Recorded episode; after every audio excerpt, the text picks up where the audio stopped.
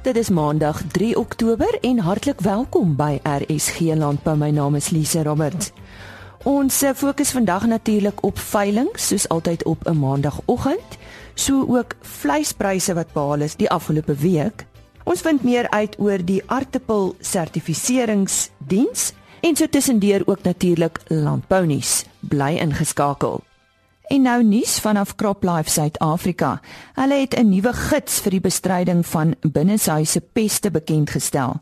Die gids gee leiding oor die tipes gif wat vir huishoudelike gebruik veilig is en lys ook goedgekeurde aktiewe bestanddele.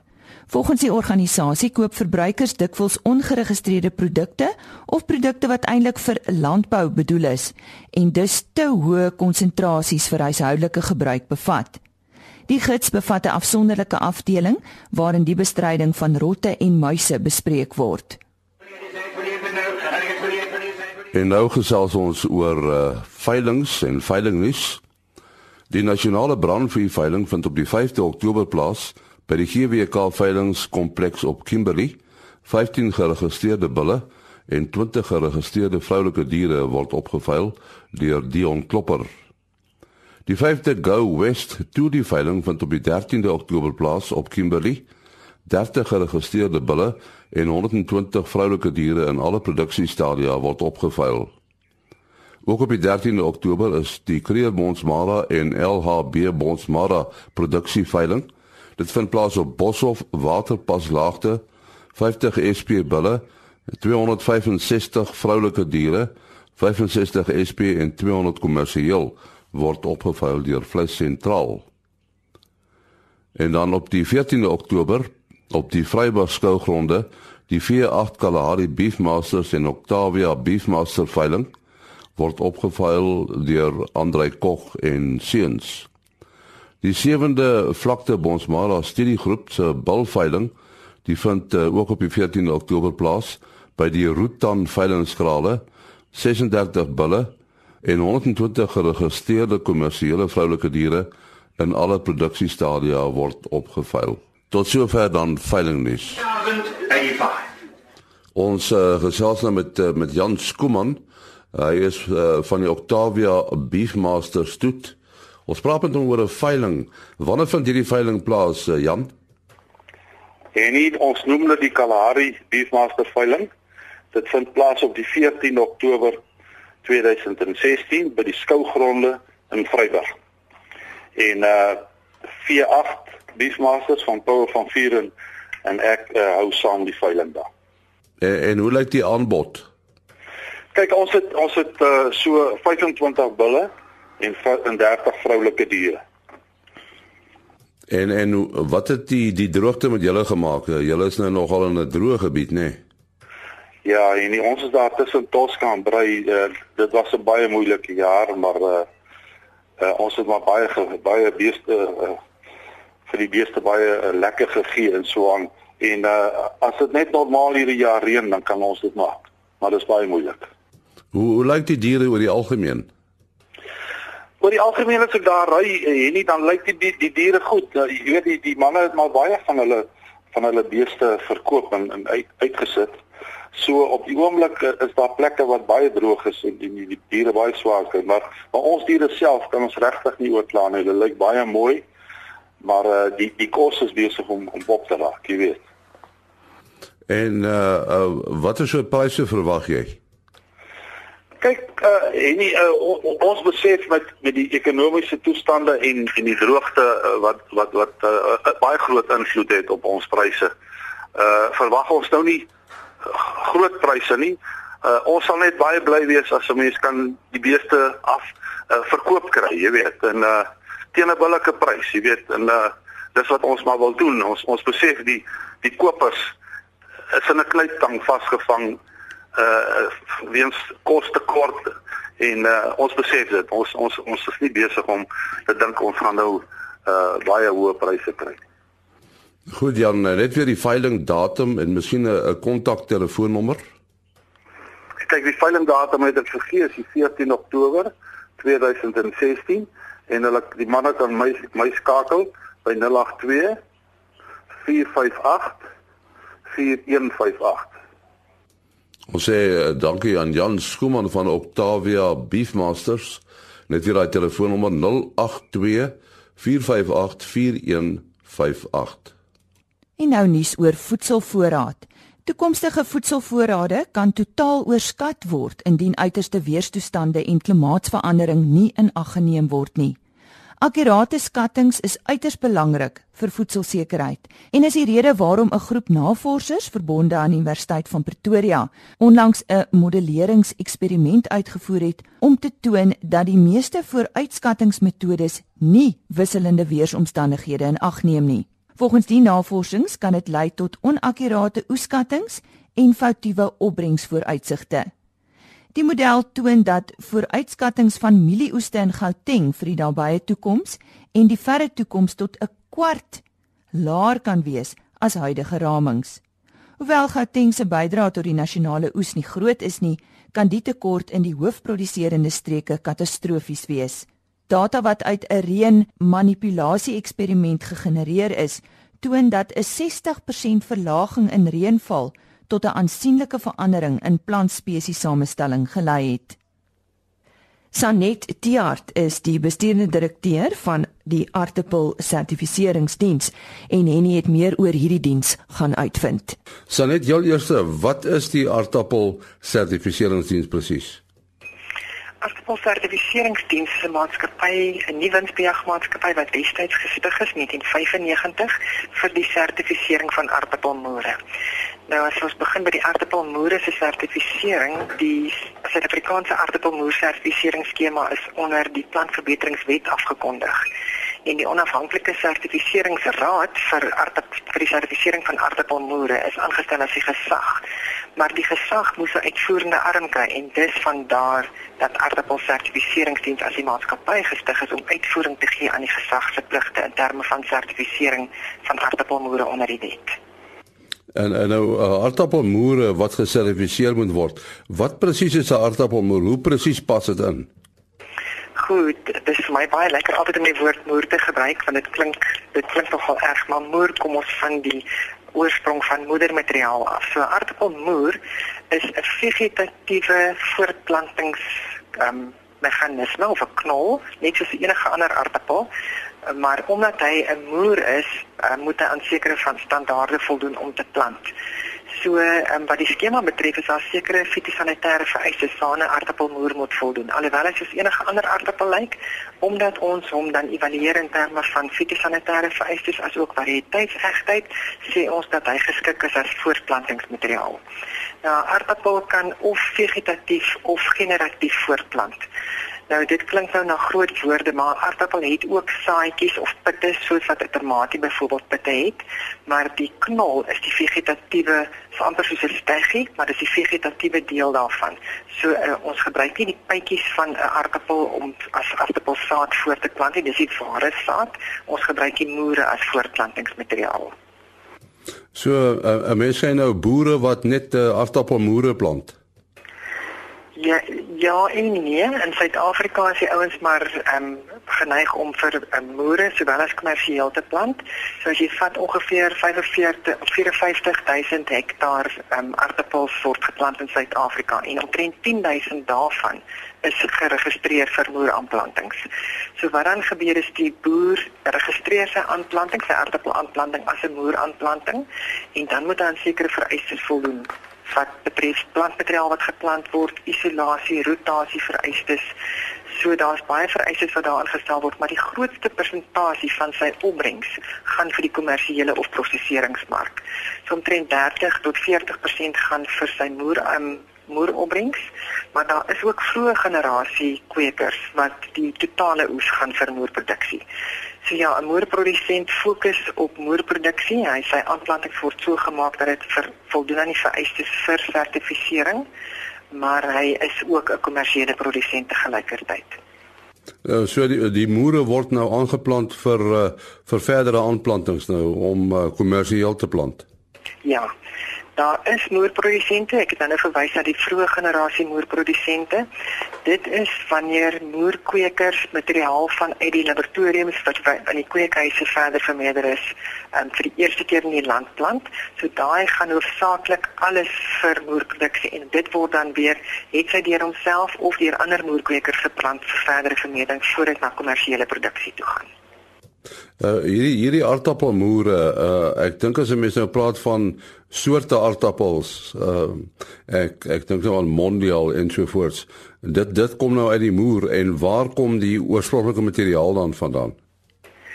Goed, Suid-Afrika het vir baie jare 'n teelprogram gehad by die Landbou Navorsingsraad. Hulle is tans weer besig met teeling, maar die meeste van ons gene bronne word ingevoer van oorsee af.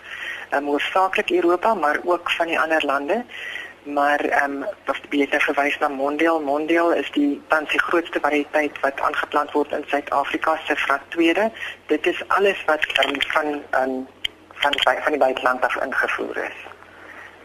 Maar jy sê daar word uh, werk gedoen op die oomblik met uh, teeling in plaaslik. Ja.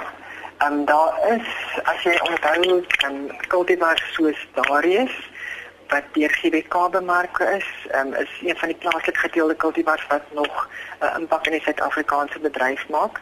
Maar um, dit is op 'n redelike klein skaal op hierdie stadium. Maar as jy onthou BP1 um, en van der Plank is beide plaaslike geteelde kultivars wat destyds deur dokter van der Plank geteel was wat nogal 'n groot impak gemaak het. Maar vir baie jare al maak ons grootendeels staat um, op ingevoerde genebronne. Uh, Sanet, julle het nou elke jaar 'n uh, moerkweker van die jaar uh, by een of of 'n wedstryd, né? Nee? Ja, al ons moerkwekers, elke liewe stap wat ons doen ten opsigte van sertifisering van registrering, landinspeksies, eerste, tweede landinspeksies, knolinspeksies, monsterneming, toetsuitslae, nakontroles, variëteitsechtheid, alles word op 'n database ingevoer. So ons gebruik daai harde daadwerklike kriteria rondom die kwaliteit van die aardappelmoere om al die moerprodusente in Suid-Afrika in 'n rangorde te lys. So um, ons sien dan 'n top 10 wat ons gewoonlik aankondig en drie finaliste en dan ons het nou die 6de September um, van jaar het ons die moerkweker van die jaar aangekondig wat dan vir op die afgelope jaar se data gewen het. En wie is hy? Hy is JP van der Berg van die Tosca distrik. Uh, plant hy ook kommersieel? Hy plant hoofsaaklik vroeë generasie materiaal vir die Wescrow groep. Henny Maas daar 'n gesprek met Sanet Tiart, die bestuurende direkteur van die Artipel Sertifiseringsdiens. En nou nuus oor rooi vleispryse. Hierdie pryse sal tussen nou en Desember na verwagting met tussen 9 en 15% verhoog, weens 'n beperkte aanbod en toenemende vraag in die komende Kerstyd. Volgens Paul Makube, senior landbouekonoom by FNB, het vanjaar se uitslagtings weens droogte 'n voordeel vir uitvoere en die toeristebedryf ingehou, maar nie tot laer pryse gelei nie. Dis nie altyd maklik om 'n boer te wees nie. Daarom het Bayer besluit dis hoogtyd dat jy die boer bedank word vir jou ondersteuning en die kos wat jy daagliks op ons tafel sit. Bayer stel graag sy reuse Bayer Dankie beloningsprogram bekend die eerste van sy soort vir die Suid-Afrikaanse boer. 'n Paar tawwe pryse gaan weggegee word. 'n Toyota Land Cruiser, 'n viertrek motorfiets, doseerprogramme en vele meer ter waarde van bykans 1.5 miljoen rand. Hou die pers maandeliks dop vir ongelooflike pryse, gratis produkpromosies, krap en wen promosies en nog vele meer. Kontak jou plaaslike Bayer agent nou of besoek jou naaste agribesigheid en kry die beloning wat jy verdien. 'n Massiewe baie dankie aan elke boer. Internasionale suiwelnuus. Die Nieu-Seelandse suiwelreus Fonterra het 'n 807 miljoen dollar profijt aangeteken ten spyte van uitdagende omstandighede in die melkbedryf. Verkoopsvolumes het met 4% gestyg. Die maatskappy het onder skerp kritiek deurgeloop toe hy in Mei vanjaar sy produsenteprys verlaag het en verskeie melkprodusente aan die kortste end getrek het. En nou Chris Derksen met vleispryse wat behaal is in die Noord-Vrystaat van veilinge wat plaasgevind het en die datum was Dinsdag 27 September. Chris, wat sien jy vir ons? Man belangrik, die steenkoolpryse bly maar nog bietjie onder druk omdat die mieliepryse so duur is. Ons kom sê alle voedselpryse so duur is, maar vet, die die item van vet word duur en skaars. Jy sal sien vet koeie sowel as die A-klasse is lekker duur. Sien die presiese pryse, steenkoolers onder 200 kg, R21.76 per kilogram lewendig. Dan van 200 tot 250 kg, R20.50 en oor 250 kg R20.55. A-klasse R20.46, B-klasse R16.52, C-klasse vetkoeë R16.02 en markkoeë wissel van R12.31 na R13.60 en slagbulle R17.25. In die skaapmark stoorlam R30.60 vetlam R28.35 maar oeye R20.02 en vetoeye R20.48 per kilogram. Baie dankie. Aan die woord daar dan Chris Terksen. Nuus vanaf Agbus, die Agbus IDC vertrouensindeks het met 13 punte herstel tot 60 punte in die derde kwartaal van die jaar. Dit is die hoogste vlak sedert die derde kwartaal van 2014. 'n Indekspunt bo 50 dui op 'n uitbreiding in plaaslike landboubesigheidsaktiwiteite. Volgens Agbus dui dit ook op 'n meer optimistiese landbousektor. En nou fokus ons op predasiebestuur en Neil Viljoen is 'n spesialis op die gebied by die Nasionale Wolkwekersvereniging en het met hom gesels. Daar daar's Neil blykbaar 'n groot toename in uh en roofdiere wat vee vang. Waaraan sou jy dit toeskryf? Ehm um, en ja, ek weet nie soseer of dit toename in die roofdiere is en of dit uh fisies die uh bestuur is wat nie wat nie 'n goeie of van 'n goeie gehalte is nie, dat daar wel baie roofdiere is is 'n feit. Ehm uh, maar ons moet ook kyk dat die bestuur van hierdie diere uh moet uiters noukeurig gehandhaaf word en en dat die bestuur reg is. Nou jy sê bestuur, wie moet die bestuurwerk doen? Die bestuur is obviously dis die grondeienaar se se verantwoordelikheid. So die grondeienaar moet eerstehandse kennis hê, uh, nommer 1 van sy plaas, maar hy moet weet waar gevaarlike areas is waar die diere hou, met ander woorde kernareas. So die hy hy is fisies verantwoordelik vir die bestuur. Dit is nie uh baie baie van ons boere maak die fout om altyd net die probleem uit te kontrakteer en dan kry hy nooit eerstehandse kennis van sy probleem nie. Hoe hoe sou mens byvoorbeeld te werk gaan om 'n uh, roofdier op jou plaas te beheer? Wel, eerstens moet jy weet waar die kernareas is. Jy moet weet waar hierdie diere hou, hulle het spesifieke areas waar hulle bly. En dit is areas wat jy moet vermy met lamtye vir al klein lammetjies as jy baie nageboortes in goed in die veld het. Ehm um, so uh, jy moet jy moet rondom dit werk en dan as die dier in 'n area is wat jy moet lam of die droogte of iets forceer jy om daai gedeelte van die plaas te te, te gebruik.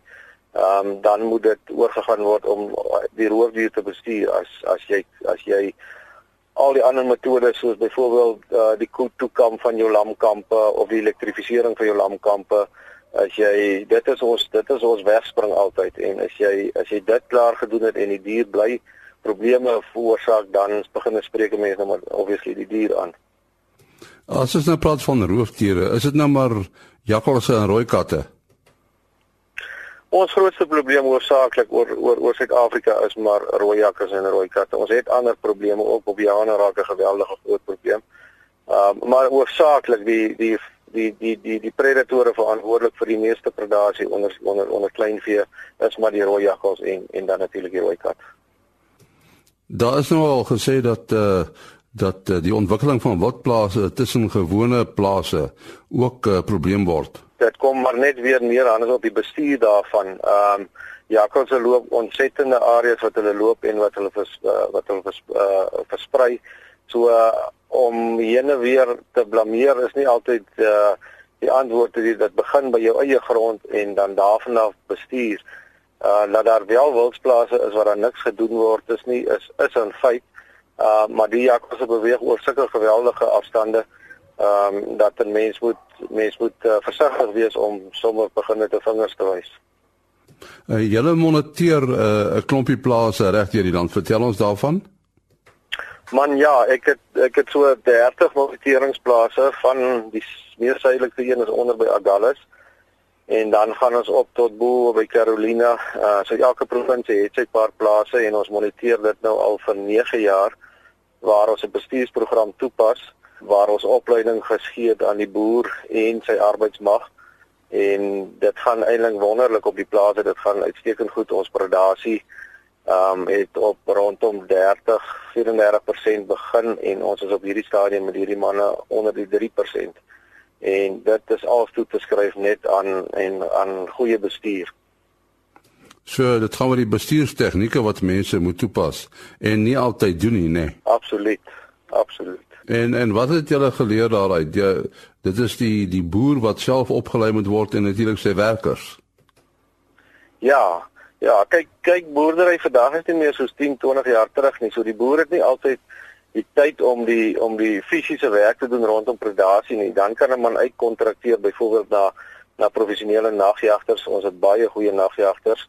Ehm um, so jy kan uitkontrakteer na die gekwalifiseerde mense toe, maar jy moet nog steeds leiding gee. Jy moet nog steeds vir die vir die ou kan sê man, dit is in hierdie sektor van die plaas wat ek probleme het, dis in hierdie sektor van die plaas wat ek wat ek uh die kernarea van die predator is um, en dan en dan vat die kontrakteure daarvan af verder. So die boer moet altyd die leidende rol bly speel.